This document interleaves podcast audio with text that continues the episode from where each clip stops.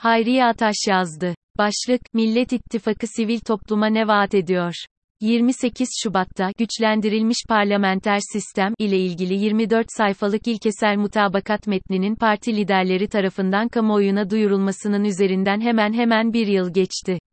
Bir yıl boyunca kamuoyunun merak konusu ortak aday tartışmaları bir yana, partilerin somut yol haritasını ortaya koyup mutabakatı seçim ittifakına dönüştürüp dönüştüremeyecekleriydi.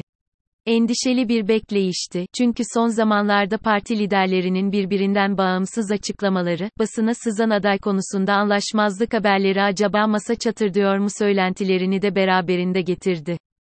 Son dönemde yapılan seçim anketleri de mutabakat metniyle estirilen rüzgarın yavaş yavaş sönümlendiğini de bizlere gösterdi.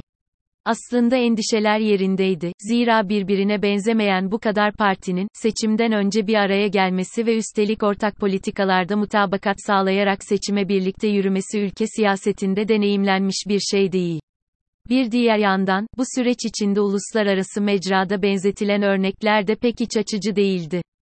Bildiğimiz gibi Macaristan'da Orban iktidarına karşı altı partinin bir araya geldiği muhalefet ittifakının seçimlerdeki yenilgisi, altılı masanın akıbetinin de aynı olacağı yorumlarına neden oldu.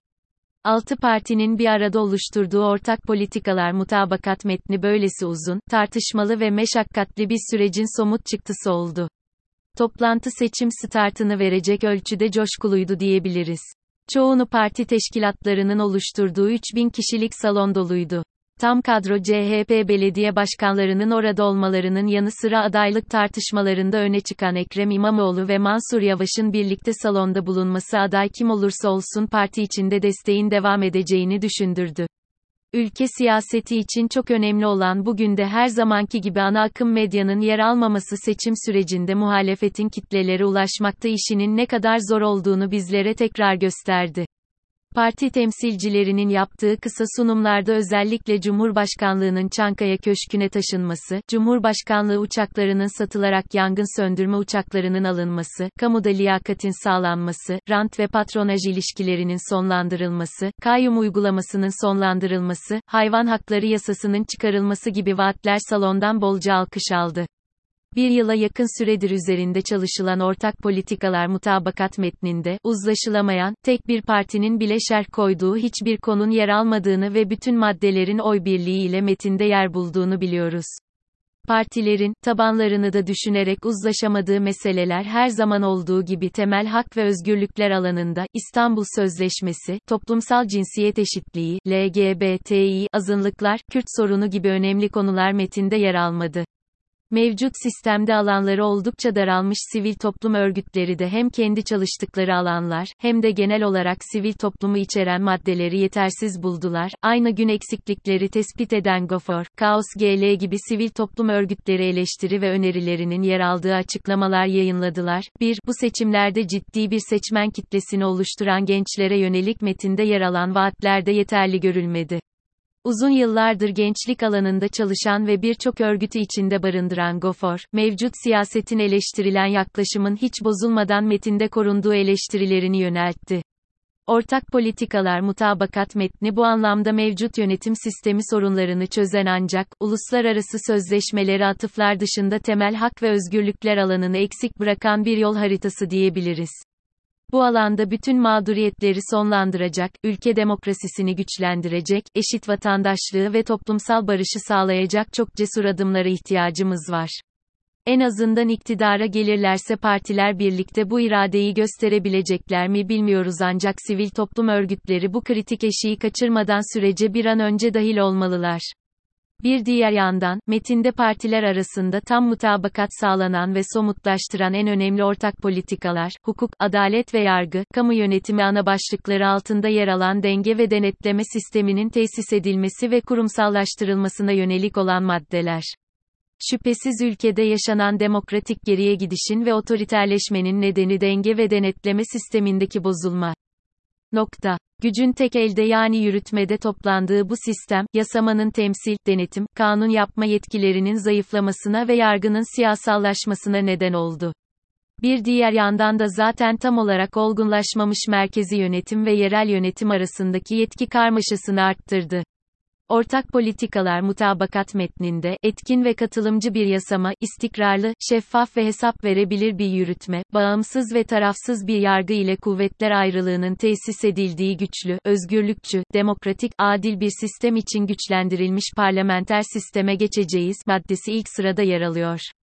Yasama alanında en dikkat çeken maddeler, uzun yıllardır tartışılan meclis iç tüzüğünün değiştirilmesi, komisyonların güçlendirilmesi, meclis içindeki müzakereyi etkisiz hale getiren ve birbirine benzemez birçok yasa teklifini tek potada eriterek bir gecede geçmesine salık veren torba kanun uygulamasına son verilmesi, meclisin denetim mekanizmaları ile şeffaflığının sağlanması, seçim barajının %3'e düşürülmesi, yasa yapım süreçlerine mevcut sistemde kendilerine hiç yer bulamayan sivil toplumun katılımının sağlanması, Cumhurbaşkanlığı sistemi ile ortadan kaldırılan güven oyu, gen soru ve sözlü soru gibi denetim araçlarının tekrar getirilmesi var. Cumhurbaşkanlığı hükümet sistemi yürütmeyi kuvvetlendirip yetkinin tek elde yani Cumhurbaşkanında toplanmasına neden oldu.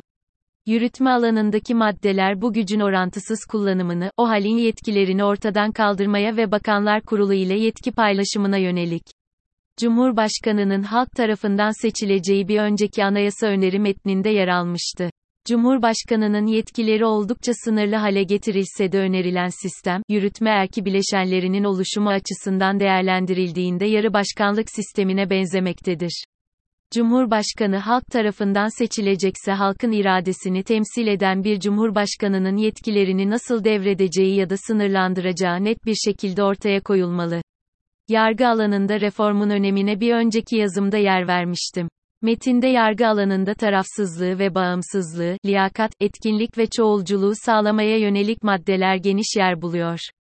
Hakimler ve Savcılar Kurulu'nun, Anayasa Mahkemesi'nin yapısal olarak yeniden düzenlenmesi, hakim, savcı ve avukatlara yönelik mesleki düzenlemeler, uzun zamandır terk edilen Anayasa Mahkemesi ve Avrupa İnsan Hakları Mahkemesi içtihatlarının diğer mahkemelerce dikkate alınması ve bu mahkemeler tarafından verilen kararların ivedilikle uygulanması gibi düzenlemeler yargı alanında öne çıkıyor denge ve denetleme sisteminin diğer aktörleri olan medya ve yerel yönetimlere yönelik düzenlemeler de çok geniş yer bulmasa da metinde kritik başlıklar ele alınmış. Ortak politikalar mutabakat metni, çok kapsamlı ve titiz hazırlanmış olması ile birlikte seçim kazanılırsa sivil toplumunda katılımı ile yasama, yürütme, yargı, medya, yerel yönetimler ve sivil toplum alanında derinleştirilmesi gereken bir zemin sunuyor. Denge ve Denetleme Ağı olarak, Şubat 2022'de, alanlarında uzman kişilerin katılımı ile düzenlediğimiz denge ve denetlemeli bir parlamenter sistem çalıştayı sonuç önerilerimizi kamuoyuna ve siyasi partilere sunmuştuk. 2. Yakın zamanda ortak politikalar mutabakat metnini, bu çalıştayın somut önerileriyle birlikte denge ve denetleme perspektifinden değerlendireceğimiz bir rapor yayınlayacağız. Önümüzdeki iki yıl seçimlerin Türkiye'si olacak. Hem seçimlere, hem de ülke siyasetine dair atılan her adım, her söylem çok kritik bir öneme sahip. Altı partinin altına imza attığı ortak politikalar mutabakat metni toplumun siyasete karşı umudunu arttıran bir yol haritası, ancak sadece takdir edilen bir metin olarak kalmamalı, ortak aday ile birlikte seçim döneminde toplumsallaşması ve halka iyi anlatılması gerekiyor. Bu dönem sadece partilerin değil, sivil toplumunda kendi savunuculuk alanlarında ülke demokrasisi için hareketli olmasını gerektiren bir dönem. Millet İttifakı ya da Cumhur İttifakı içindeki partilerin kendi seçmen tabanlarını da mutlu etmek için birbirinden ayrıştıkları söylemleri olacak. Sivil toplum ise, ülkenin vicdanını ve ortak aklı olarak bu dönemde, toplumun adil ve onurlu yaşam isteğini, demokrasi talebini, temel hak ve özgürlükleri daha güçlü dile getirmeli. Seçim dönemi, siyasi iradenin dönüşmesi, toplumun beklentilerini karşılar niteliğe kavuşması ve demokratik adımların atılması için biz sivil topluma da bir fırsat alanı sunuyor.